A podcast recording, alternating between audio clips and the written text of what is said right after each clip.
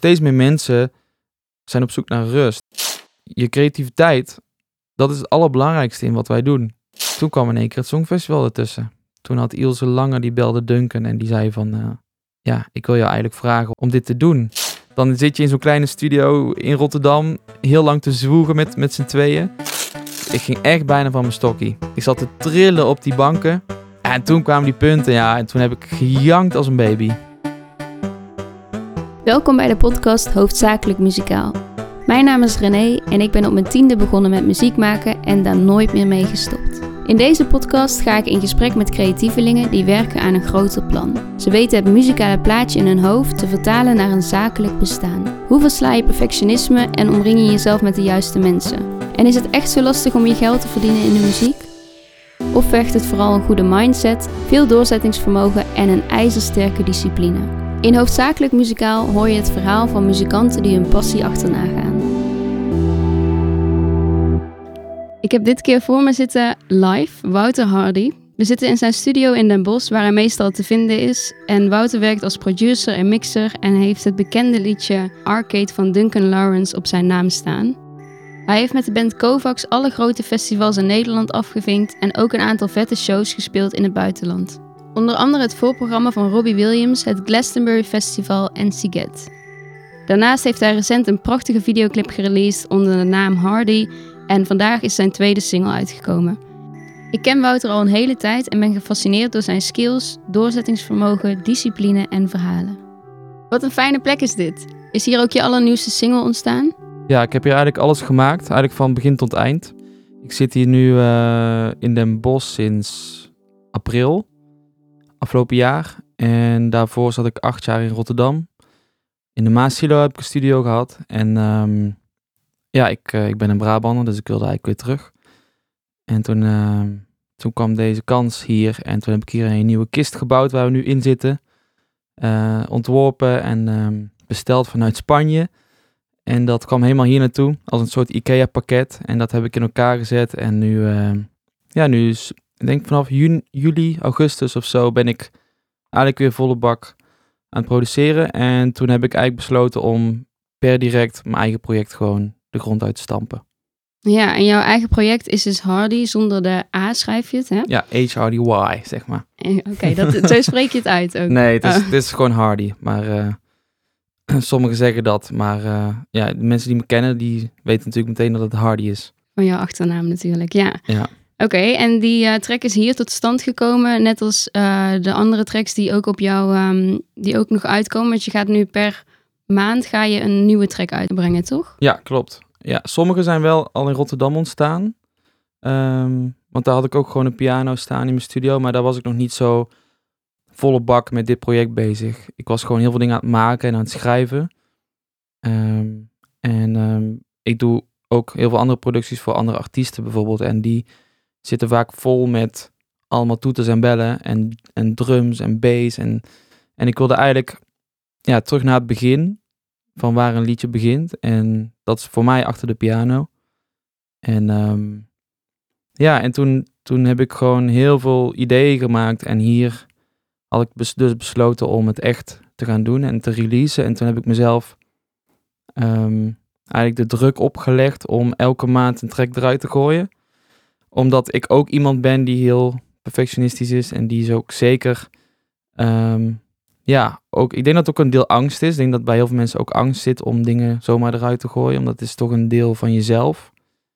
En ehm, nou, ik ben nu wel heel, heel erg trots dat het zo snel is gelukt. En dat ik nu elke maand een track release. En ik weet nog niet eens wat track 4, 5, 6, 7, 8 wordt. Want ik maak het, ik produceer het en ik mix het gewoon allemaal tegelijk, zeg maar. Dus dat is wel leuk. Het ligt niet een album al klaar of zo.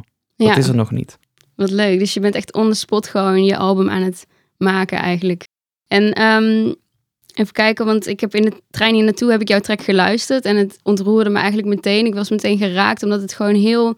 eh, het is heel, heel klein gehouden, maar heel, heel kwetsbaar is het eigenlijk. En hoe belangrijk eh, is bijvoorbeeld de, de nieuwste track? Dat is Brother, toch? Ja. Hoe belangrijk is die voor jou? Ja, ik denk. Ah, de eerste track, A New Dawn, was echt. eh, ja, A New Dawn zegt het al, een nieuw tijdperk. Is gewoon een nieuwe stap in mijn leven. Dingen achterlaten en, en naar nieuwe dingen. En toen was wel grappig. Afgelopen kerst eh, had ik mijn, eh, mijn broer als loodje. En eh, bij, de surprises. En toen heb ik besloten om voor hem een muziekstuk te schrijven als een extra cadeau. Ehm, ik heb daar ook met zo'n stem als nu een voice-over overheen gelegd. Met eigenlijk ja, het levens, onze 30 jaar geschiedenis. Want ik ken hem nu 30 jaar, ik ben bijna 30. Ehm, en dat heb ik eigenlijk in noten eh, samengevat. En, eh, ehm, en je hoort ook echt verschillende thema's in, het, in de song. En dat, en dat staat voor mij heel erg van hoe ik hem ken. Van zijn geboorte, van mijn geboorte eigenlijk tot, tot aan nu. En ehm, het was helemaal niet het plan om dit te releasen, maar ja, de melodie die bleef maar in mijn hoofd zitten. En dacht van, nou, eigenlijk is het niet eens zo slecht. Ik vond het eigenlijk wel, eh, wel heel fijn. En ehm, ja, en toen dacht ik van, laat ik dit gewoon voor mijn broer afmaken. Het was, met kerst was het een soort improvisatiestuk, maar wel met de thema's die je erin hoort. En toen heb ik hem helemaal afgemaakt afgelopen, wat is het, januari, februari. En eh, ja, nu is hij uit. Oké, en je vertelt over die stem, dus jij had er echt een, een tekst overheen gesproken. Ja, Die heb je we- wel eruit gehaald. die heb ik zeker eruit gehaald. En Ja. waarom dan? Die mag niemand horen, alleen mijn, mijn familie. Ja, Ja, nou, dat, dat zijn hele persoonlijke dingen. Gewoon ook over eh, hoe ik hem ken, eh, de periodes die we samen hebben gehad. Dat ik, eh, we waren ook op een gegeven moment elkaar een beetje uit het oog verloren. Ik met mijn carrière bezig, hij is fotograaf. Dus hij ook heel erg met zichzelf bezig. Ook een bepaalde periode in zijn leven waar hij zich niet zo fijn voelde en hoe ik dat zag. Ja, was natuurlijk super emotioneel. Voor mijn ouders zaten natuurlijk allebei te janken op de bank toen dat eh, afgespeeld werd. Want niemand wist het ook. Dus ik had een heel kort gedichtje gemaakt. En normaal maak ik echt wel lange gedichten voor iedereen. Alleen eh, toen, kreeg, toen, toen kreeg je daarna een tweede gedichtje. En daar stond in van, denk, denk je nou echt dat ik zo weinig over je te vertellen heb? Luister maar. En toen zette ik dus die trekkaart aan in de woonkamer. Ja, dat had niemand verwacht. Dus dat was wel tof. En voor hun is het nu extra speciaal dat ze weer dat, die thema's horen. Maar dan dus echt op Spotify. wauw, wat mooi. Ja, Ja, dat is heel tof. dat, eh, mijn zusje had het ook gedaan met, eh, met de surprise inderdaad. Dat ze gewoon stiekem een filmpje had gemaakt en dat komt dan zo echt binnen. Ja. Wat zo Omdat persoonlijk je het ook is. niet verwacht. En ja, normaal doe je dat gewoon niet zo snel voor iemand, weet je Ja. wel. En ehm, ik dacht, het is wel tijd om het een keer eh, anders te doen met kerst. Ja.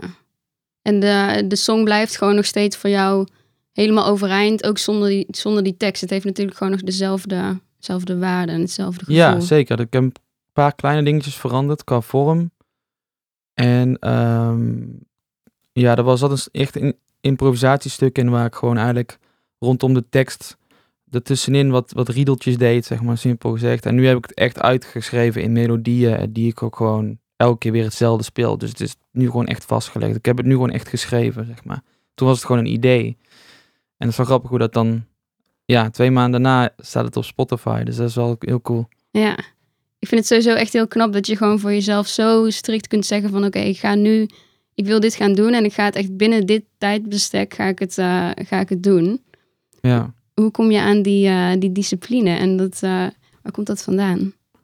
Ehm, heel veel vallen en opstaan.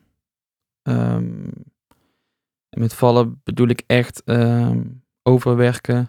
Eh, dus eigenlijk je planning niet goed hebben. Niet voor elkaar hebben. En ik heb in 2016, 17 heb ik een periode gehad waar ik gewoon... Toen kwam ik net uit het toerenleven. En toen was ik zoveel weg geweest. En ehm, ik ben ook met het conservatorium waar ik toen studeerde... in het tweede jaar ben ik daarna gewoon gestopt. Omdat ik gewoon wilde toeren. Ik wilde gewoon veel dingen doen en zien. En toen eh, ben ik daarmee gestopt. En daarna viel ik in een soort van... Ja, niet een gat of zo, maar ik had zoveel gewerkt. En ik wilde meteen als producer door. En dat heb ik gewoon veel te snel allemaal gedaan. Waardoor ik werd teruggefloten. eh, in de zin van dat ik paniekaanvallen kreeg en hyperventilaties. En dat was wel heel heftig. Het eigenlijk een soort, ja, vroege burn-out of zo. Ik hoop niet dat ik hem nog een keer krijg, maar...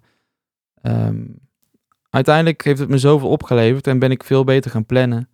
Therapie gehad eh, door keuze te maken, te leren maken, door nee te zeggen tegen mensen in plaats van maar alles te willen doen voor iedereen.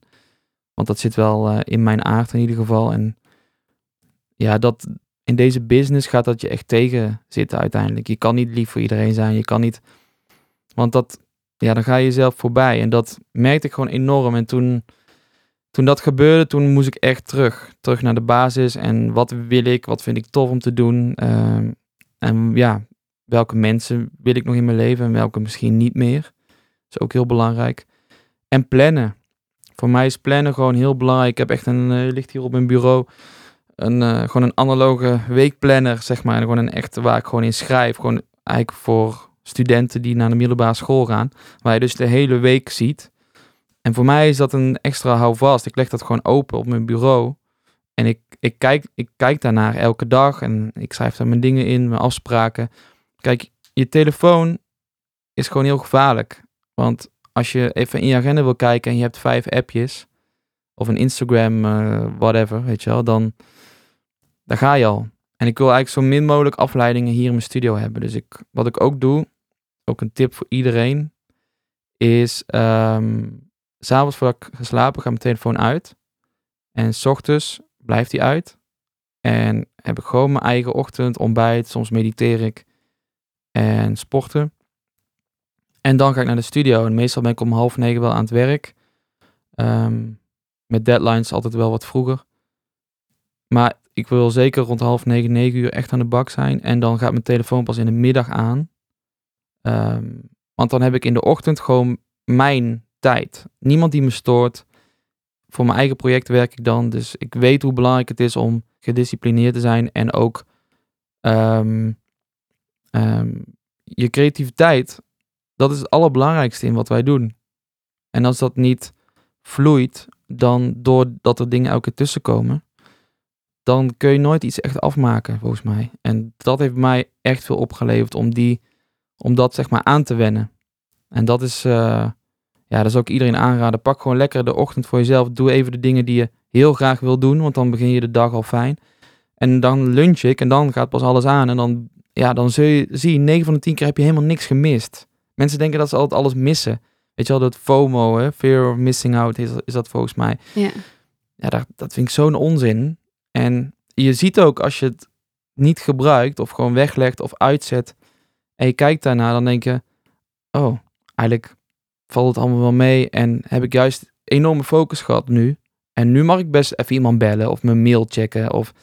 En dan na lunch werk ik altijd voor derden, dus voor andere artiesten. Of ik doe iets voor mijn eigen bedrijf. Of uh, ja. whatever. En ik kan me ook voorstellen dat mensen er op een gegeven moment gewoon aan gewend raken. Van oké, jij bent gewoon niet bereikbaar ja. voor de middag. Ja. Maar ik vind het wel knap Sommigen dat weten je, het ook. Ja. Ja. precies. Dat je dan dus wel echt kunt zeggen van... Ik sluit me helemaal af. En dat je niet die, niet die verleiding hebt van... Ik ga toch stiekem even kijken. Ja. Want Als je dat doet, dan ben je dus meteen weer opgeslokt in, een, eh, Ja. in iets anders. Ja. Hey, en toen het iets minder goed met jou ging, kwam je, toen kwam je net uit de periode van eh COVAX, waar ik net in de intro ook iets eh, over vertelde. Daar heb je heel veel festivals mee gedaan. En ook hele intense ehm, dingen meegemaakt. Gewoon heel veel druk en heel veel Mhm. nieuwe dingen ook, kan ik me voorstellen. Hoe kijk je nu terug op die tijd? Was dat ook echt te veel? Of was het gewoon heel veel nieuw? Of hoe ervaar je dat nu? Het was sowieso heel veel nieuw, want ik had, ik had wel in bands gespeeld, maar nooit echt op hoog niveau. Ehm, en je moest ook, we moesten ook zo snel al leveren. Dus het was gewoon echt een groot project, echt vanaf het begin al. Want we, volgens mij was onze derde of vierde show het voorprogramma van One Republic in de HMH. Wat nu toen de HMH was. En ehm, ja, dan, die druk is wel enorm, ja. Je bent nog niet echt op elkaar ingespeeld. Ehm, heel veel repeteren, heel veel. eh, en ik was ook musical director, dus ik, ik zorgde voor de backing tracks en de click tracks. En dat eh, alle partijen klopten en dat, eh, dat het allemaal klopte. En ja, dat was gewoon. Ja, dat was gewoon echt wel een heftige periode. Vooral in het begin. En daarna was het wel, weet je toen- dan heb je een show gemaakt met elkaar. En dan, dan is het eigenlijk gewoon, ja, met alle respect lopend bandwerk. Want je doet elke dag bijna dezelfde show als je op tour bent. Alleen het is heel tof, want je komt dan in elke keer, je kan wakker worden in een ander land de volgende dag. En dan ga je weer slapen. En we, soms toerden we met zo'n nightliner bus. Waar ook echt allemaal bedden in zitten en een lounge met Playstation. En dan zaten we gewoon met de ramen dicht.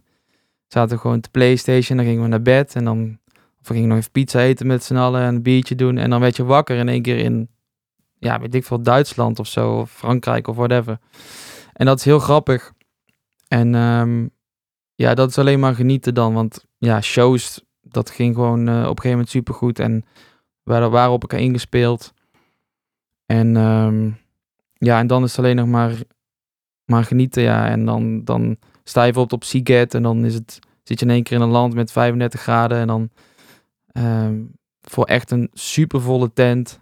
En de ene moment sta je weer op Glastonbury. En we hebben ook het voorprogramma gedaan van uh, Robbie Williams inderdaad. In Athene. Volgens mij 30.000 man ongeveer. Midden in de bergen. En dan ga je smiddags even met elkaar zwemmen in de zee. Weet je wel. Het is echt, echt wel... Uh, echt rock'n'roll eigenlijk wel. Maar hoe voelt dat nou om voor zoveel mensen te spelen? Kun je die eerste keer nog uh, herinneren? Dat het allergrootste festival wat je, wat je deed? Even kijken. De eerste keer. Ja, dat was denk ik North Sea Jazz. Dat was ook heel snel al. En um, dat zie je ook in, in de documentaire Wolf Lady van, van Kovacs. Dat is eigenlijk het begin en het einde van de docu. Dat was ook wel um, een van de eerste festivals die we deden. Ja, en dan sta je natuurlijk tussen enorme grote namen en sowieso veel publiek en echte liefhebbers ook van muziek. Want het is natuurlijk al een heel ander festival dan, uh, dan uh, bijvoorbeeld, uh, hoe heet dat? Ehm, nou, het is natuurlijk heel anders dan een ander festival. Ja. Omdat het gewoon, het is North Jazz, weet je dat is echt wel iconisch of zo. zo. van opstapje ook naar, naar meer natuurlijk. Ja. Ja. Maar ben je dan nog heel uh, zenuwachtig zo na een paar shows voor zoveel duizend man? Of? Ja, ja, toen was ik echt wel, uh, ik was natuurlijk ook een stuk jonger. Hè? Ik was, oud was ik, denk ja, 20 of zo, 21, toen ik uh, daarin zat. En ik heb het drie jaar gedaan en op een gegeven moment dan, dan ben je aan elkaar gewend en dan, dan, dan het is elke keer speciaal natuurlijk, want je staat elke keer weer voor andere mensen, je moet elke keer leveren. Um, maar op een gegeven moment uh, was het wel gewoon genieten, maar in het begin was er heel veel zenuwen en gingen er dingen mis en liepen er dingen vast en uh, in de computer of het backing tracks, weet je wel. En dan, ja, dan word ik natuurlijk aangekeken. Ja. Dus het was soms even zweten, ja. Ja, en de live shows die heb je nu eventjes achter je gelaten, klopt dat? Of je hebt nu al een tijd niet meer live gespeeld, toch? Ja, klopt. Ik, ben, ik heb bewust gekozen om, om eigenlijk te stoppen met Kovacs en daarmee ook te stoppen met bands. Ik wilde gewoon zo graag dingen maken. En ik was op tour, was ik aan het produceren. Ik was tussen de shows door aan het produceren. En dat werd steeds beter ook. En dat vond ik eigenlijk op een gegeven moment bijna leuker worden dan, dan, dan weg zijn of dan live spelen. Want ja, je bent toch... Ik hou ook heel erg van de regie in, in handen nemen, weet je wel. In, in, Mhm. dat vind ik gewoon heel fijn. Daarom was ik ook waarschijnlijk musical director. Maar ook, ja, ik zit hier nu in mijn studio en ik ben dan zielsgelukkig. Ook al ben ik heel dag alleen, weet je wel. Dan, het is gewoon dingen maken. Je creëert van niks, creëer je iets. En als je in een band speelt, in ieder geval als muzikant, dan sta je toch vaak achter iemand.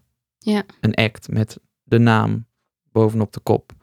En ik zeg niet dat ik dat per se wil, maar wel, ik vond het soms moeilijk om dan, ja, soms een beetje mee te geven en soms, uh, ja, alleen maar te incasseren of zo en, en maar door te gaan. En nu wilde ik een beetje het roer omslaan en omgooien. en uh, ja, en het hef in eigen handen nemen eigenlijk. Ja. En met je eigen project nu, wil je daar nog wel live mee gaan? Heb je die ambitie? Of is dat echt iets wat je gewoon alleen online zet, gewoon op Spotify voor de luisteraars? Of wil je daar ook echt een live act omheen bouwen nog? 100%. Ik ben nog, ben nog niet uitgespeeld, zeg maar. Nee. Maar ik wil niet, ik wil gewoon, ik heb gewoon besloten om niet meer in, in, in bands te zitten. En misschien vorm ik wel mijn eigen band. Dat is natuurlijk een ander verhaal, maar dan heb ik wel die regie, weet je wel. En dan staat jouw naam uh, ja. bovenop. Ja. ja, en ik denk dat het gewoon heel tof is, ook zeker in deze tijd. We leven nu natuurlijk met corona en uh, we zitten er middenin nog steeds. En steeds meer mensen zijn op zoek naar rust, weet je wel. Steeds meer naar, ja, die, uh, dat wat ik ook heb ontdekt, is met het mediteren dat je in jezelf gaat zitten, weet je wel. En dan jezelf veel beter leert kennen. En daar past ook wel heel erg deze neoclassieke stijl bij. En daardoor ben ik ook veel meer piano gaan spelen, omdat ik dat nodig had, die rust. En nu wil ik dat natuurlijk ook overbrengen naar anderen. Maar ik zie niet wanneer iemand luistert. Ik zie alleen maar hoeveel mensen er luisteren. ik zie niet wat het met iemand doet. Ja, en wat zou je het liefste voor reactie krijgen op jouw muziek? Wat hoop je dat het met mensen doet? Ik krijg heel veel reacties van. ehm, ik vind het heerlijk om mee in slaap te vallen. Of ik vind het heerlijk om mee op te staan. Ehm, je kwam pas voorbij in eh Calm Focus playlist toen ik aan het studeren was. En ehm, dit, dit kan zo onder een film, weet je wel. En ik ben zelf gek op filmmuziek. En ja, dat zijn wel complimenten die, je die je wel wil. En ja, daar ben ik gewoon heel trots op. Ja. En hoeveel tracks komen er nog aan? Elke maand één. Dus eh, er zijn er nu twee uit. Dus nog tien. Oh, echt? Je gaat zo lang... eh, Ja, een heel door. jaar. Wauw. En dan in december komt een vinylplaat uit met alles erop. En heb je al een beetje in je hoofd, ja, dat is nu natuurlijk lastig met corona ook, wanneer je weer live zou gaan kunnen spelen of wanneer je weer gaat bouwen aan die live show? Want dat moet eerst ook nog helemaal ehm, gemaakt worden natuurlijk, hoe je alles live gaat doen. Ja, want het is niet dat ik enkel een piano nodig heb, maar ik doe ook heel veel met synths en synthesizers. En ik zou ook wel echt wel met strijkers live willen spelen. Dat is natuurlijk wel een luxe, dus weet je wel, dat, ik moet waarschijnlijk ook klein beginnen. En eh, ik zou heel graag Eurosonic Noorderslag willen doen, omdat daar gewoon heel veel boekers komen en, en mensen, promotors en mensen die, eh, ja, daar kun je jezelf echt laten zien en kun je ja, ook echt eh, gewoon een show neerzetten waarbij hele belangrijke mensen jou weer kunnen spotten voor andere dingen. Ehm, ja, ik wil zeker een live act gaan bouwen en ehm, ik wil gewoon omringd zijn door toetsen, dingen en ehm, echt een lichtshow gaan maken. En het moet echt een, nog een level up zijn, zeg maar. Dus je kan het thuis luisteren op Spotify, lekker chill, met een koffietje. Maar als je live komt, dan eh, moet er wel iets anders komen, ja. Dan moet je wel weggeblazen worden. Ja, en doe je veel alleen voor je, voor je muziek, zeg maar? Heb je mensen die jou supporten of jou helpen met bepaalde dingen, management dingen, ehm, om Ja. jouw tracks bijvoorbeeld in die playlist te krijgen of Ja. uiteindelijk op het podium? Zeker. Ik heb wel, ik heb besloten om het eigenlijk allemaal voor mezelf te houden. Dus eh, label, publishing. Ehm, ik heb mijn eigen label gestart en mijn eigen publishing. Ehm, en dat, dat was voor mij ook wel een ding dat ik dat wil- zo heel graag wilde. Dat ik niet te veel mensen erin wil hebben zitten. Want ik, ik werk ook heel veel voor anderen. En ehm, ja, het gaat altijd goed. En uiteindelijk gaat het om wat er uit de speakers komt, zeg ik altijd. Alleen het traject daarvoor met labels, met A&R's, met mensen die allemaal, ja, eh, grof gezegd, een plasje erover willen doen. Mhm. Ja, daar word je soms wel echt wel simpel van. En ook over creatieve dingen. Dan denk ik van, ja, wie is hier de producer? Jij of ik? Weet je wel? Ja. En ik snap dat allemaal. Maar daarom wil ik het juist kleiner houden en lekker zelf allemaal doen. En er is niemand die zegt van, oh, ik zou, eh, ik zou dat, eh, dat geluidje er zeker niet in doen. Ja, wel, dat bepaal ik, weet je wel. Nu is mijn tijd. Ehm, maar voor distributie en ehm, Spotify playlist en zo heb ik eh, een deal met Lab Music. Dat is van Fuga. En ehm, wat zij doen, zij hebben eigenlijk een voorrang bij bijvoorbeeld playlisten. Dus zij hebben artiesten onder zich. En ehm, zij pitchen dus eigenlijk vooral aan playlisten zoals... Ik wil bijvoorbeeld heel graag in Peaceful Piano komen of Piano in the Background of zulke playlisten. Omdat het gewoon... Die hebben heel veel volgers. Gewoon over de hele wereld. En ja, ga, ga zelf maar iets releasen en dan maar afwachten wat ermee gebeurt. Dus zij helpen heel erg met, eh, met playlisting en met het profiel. En, eh, en ik heb hier op kantoor zit eh, mijn grote vriend Michiel Steenhuis. En die, die helpt alles met de deals en, ehm, en het innen van de rechten. Dus Bima Stemra, Sena. Sena zal natuurlijk niet zo interessant zijn, omdat het waarschijnlijk niet zoveel op de radio wordt gedraaid. Het is geen radiomuziek. We zitten wel te kijken om het hopelijk een keer bij Classic FM of bij Radio 4 te krijgen. Ehm, dus die helpt enorm. Ehm, en ehm, voor de rest gewoon lekker zelf doen. Ja, en alles daaromheen, dus zo'n videoclip bijvoorbeeld, die heb je bij de eerste single uitgebracht. Doe je dat ook allemaal zelf? Ja, die heb ik zelf gemaakt en zelf geregisseerd. Ik heb bij Excite, eh, wat is het, drie jaar gewerkt volgens mij. Dat is die tv-zender waar eh, videoclips worden uitgezonden. En daar deed ik ook al de audio voor en audio maken onder beeld en sounddesign. En ik ken daar zoveel mensen, dus ik heb eigenlijk de oude, een oude producer daar, dus filmproducent.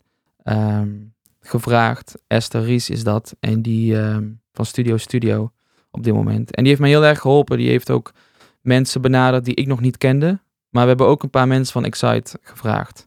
Dus bijvoorbeeld Living Priem op, eh, als DOP en, eh, en Mo Flamand, die heeft het eh, helemaal geëdit. En, eh, en dan heb je gewoon een klein clubje die, die je vertrouwt al, weet je wel. En waarvan ik weet, die maken gewoon kwaliteit.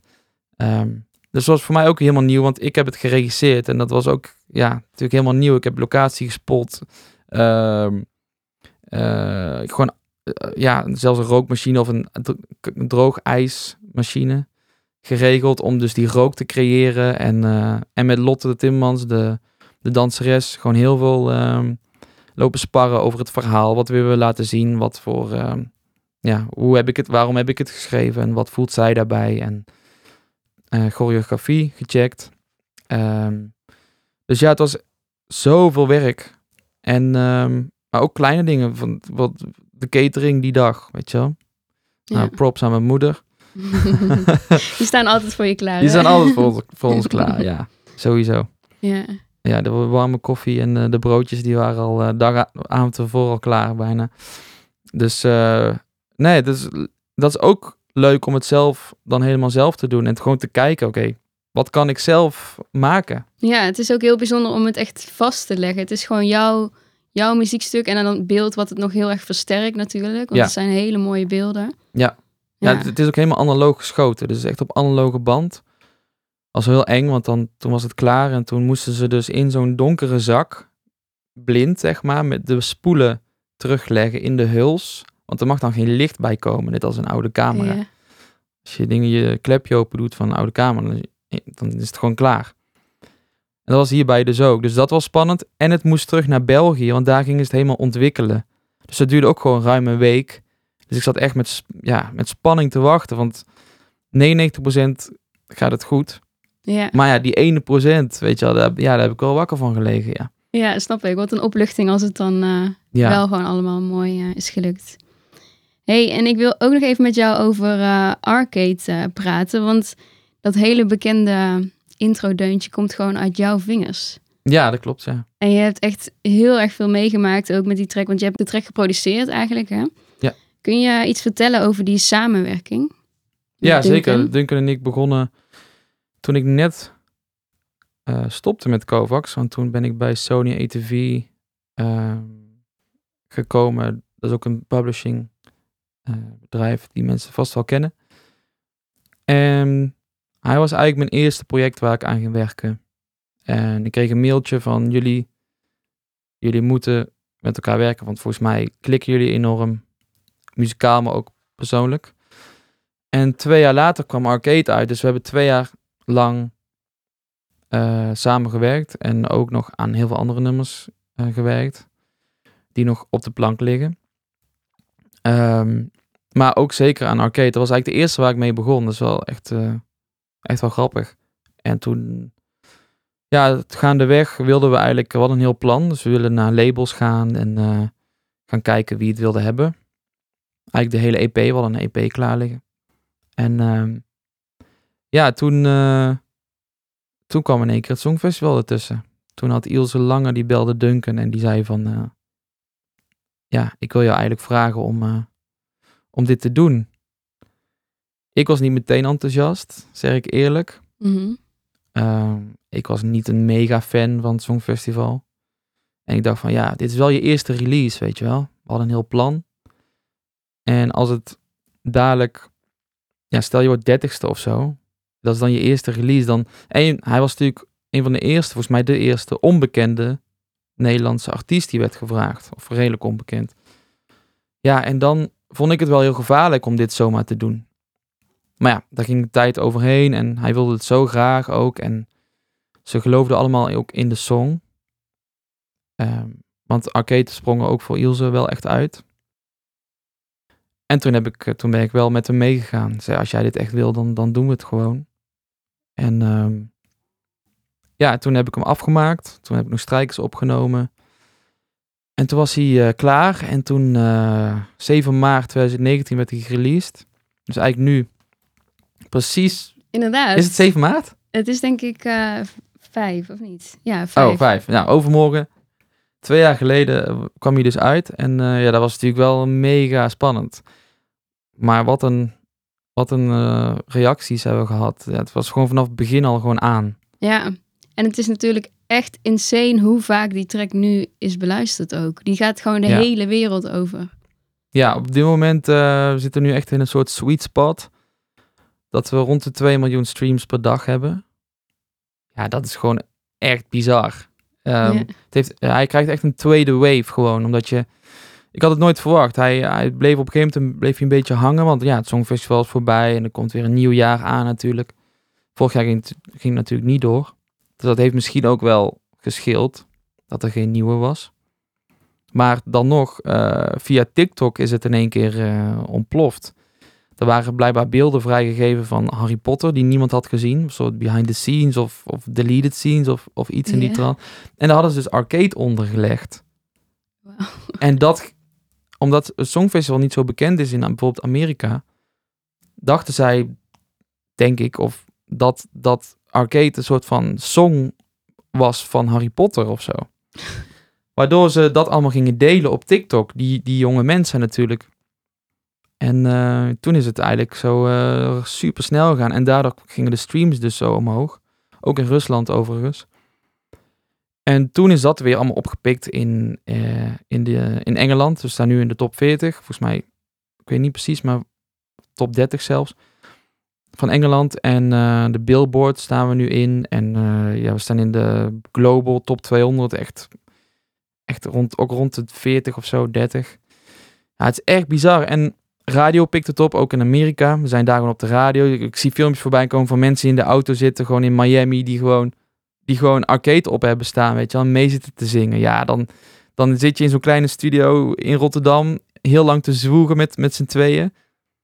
En dan is het in één keer zo bam, gewoon maar e- echt over heel de wereld eh, aangeslagen. En ehm, ja, dat is echt bizar. Het is super trots op, ja. Ja, dat wilde ik net vragen. Kun je daar heel trots op zijn? Want het is echt gewoon, het is echt gewoon super, super goed wat hier allemaal is gebeurd natuurlijk. Ja, En je bent ook meegegaan naar, de, naar het Songfestival zelf, toch?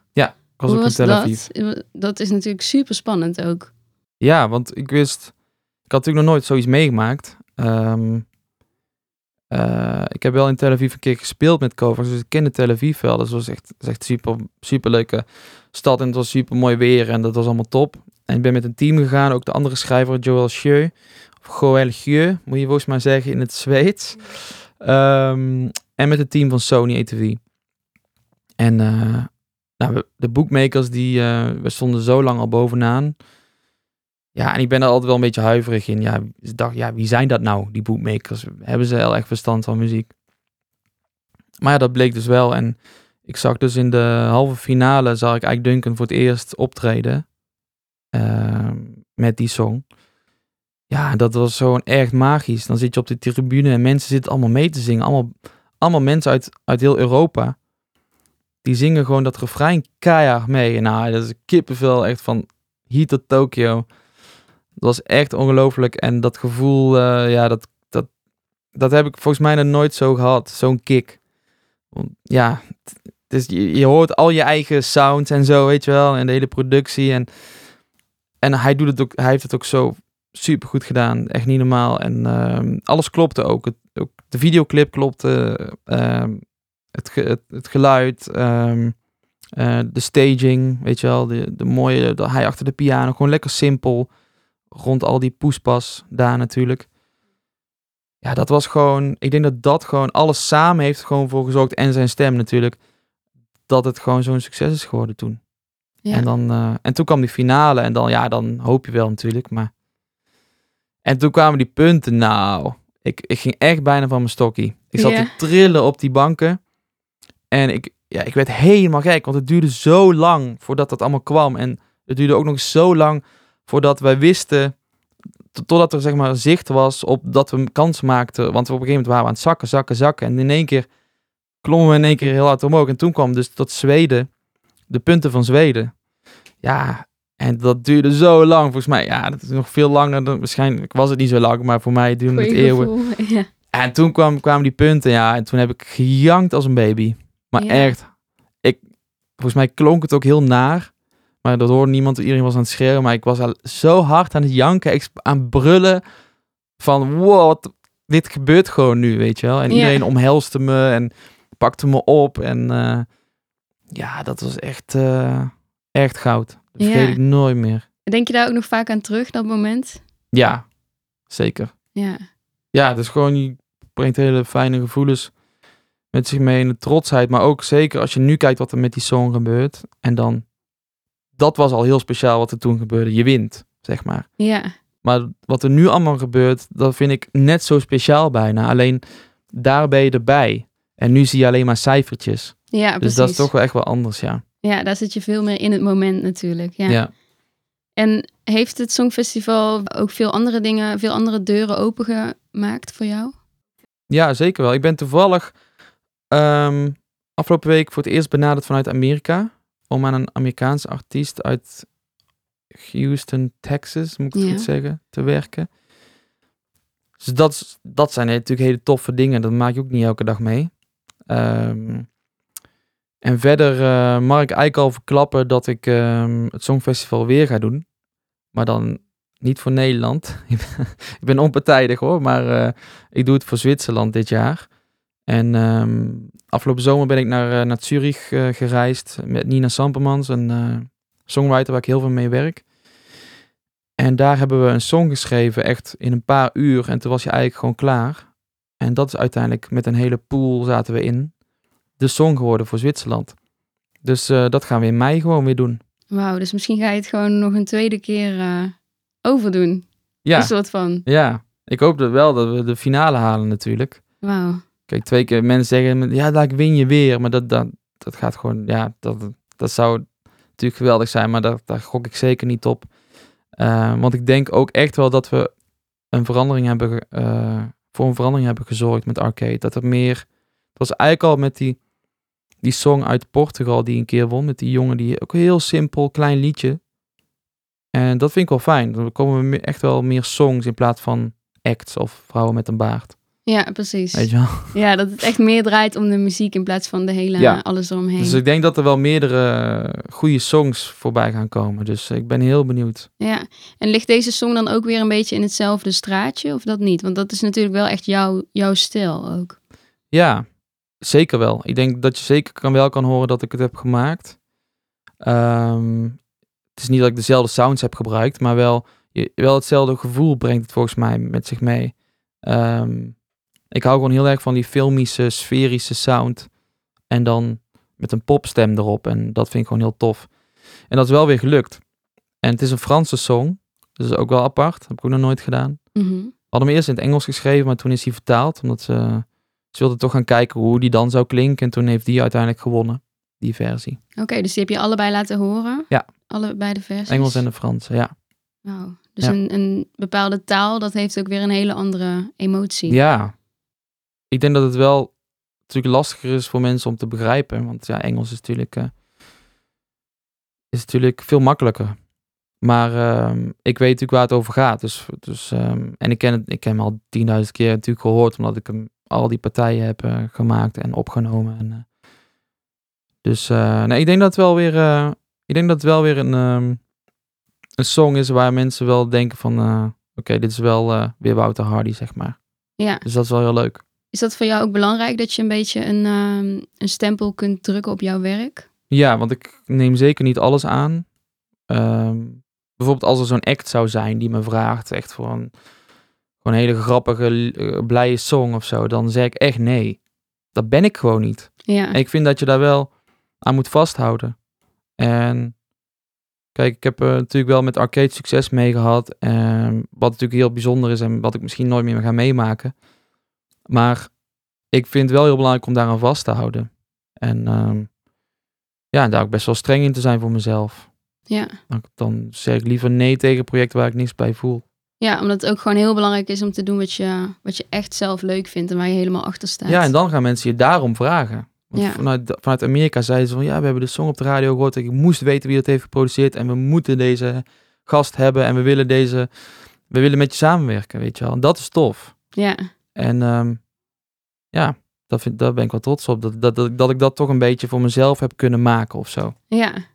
En heb jij nog veel ehm, doelen waar je naartoe aan het werken bent naast jouw album natuurlijk? En de, je schrijft ook veel met andere artiesten. Ja. Heb je nog een soort van lang termijn doel? Bijvoorbeeld over drie jaar zit je dan nog steeds op deze plek? Ik denk dat ik nog wel hier zit. Mhm. Eh, ik heb het heel echt naar mijn zin, sowieso in Den Bosch.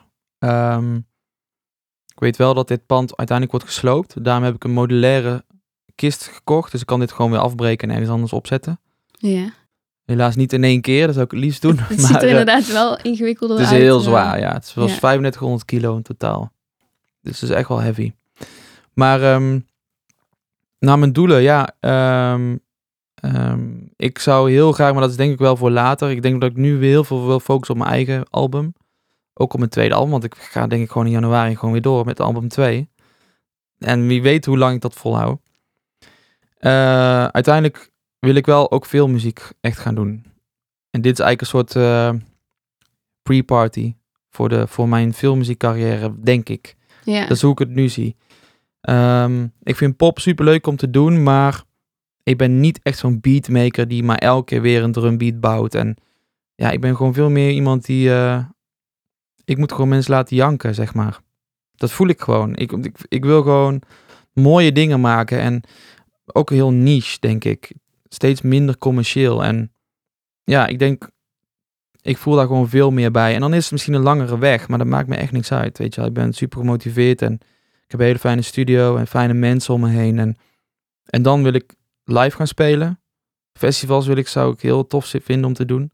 Bijvoorbeeld Hugh Beving, ook een pianist, heeft gewoon Lowlands kunnen doen.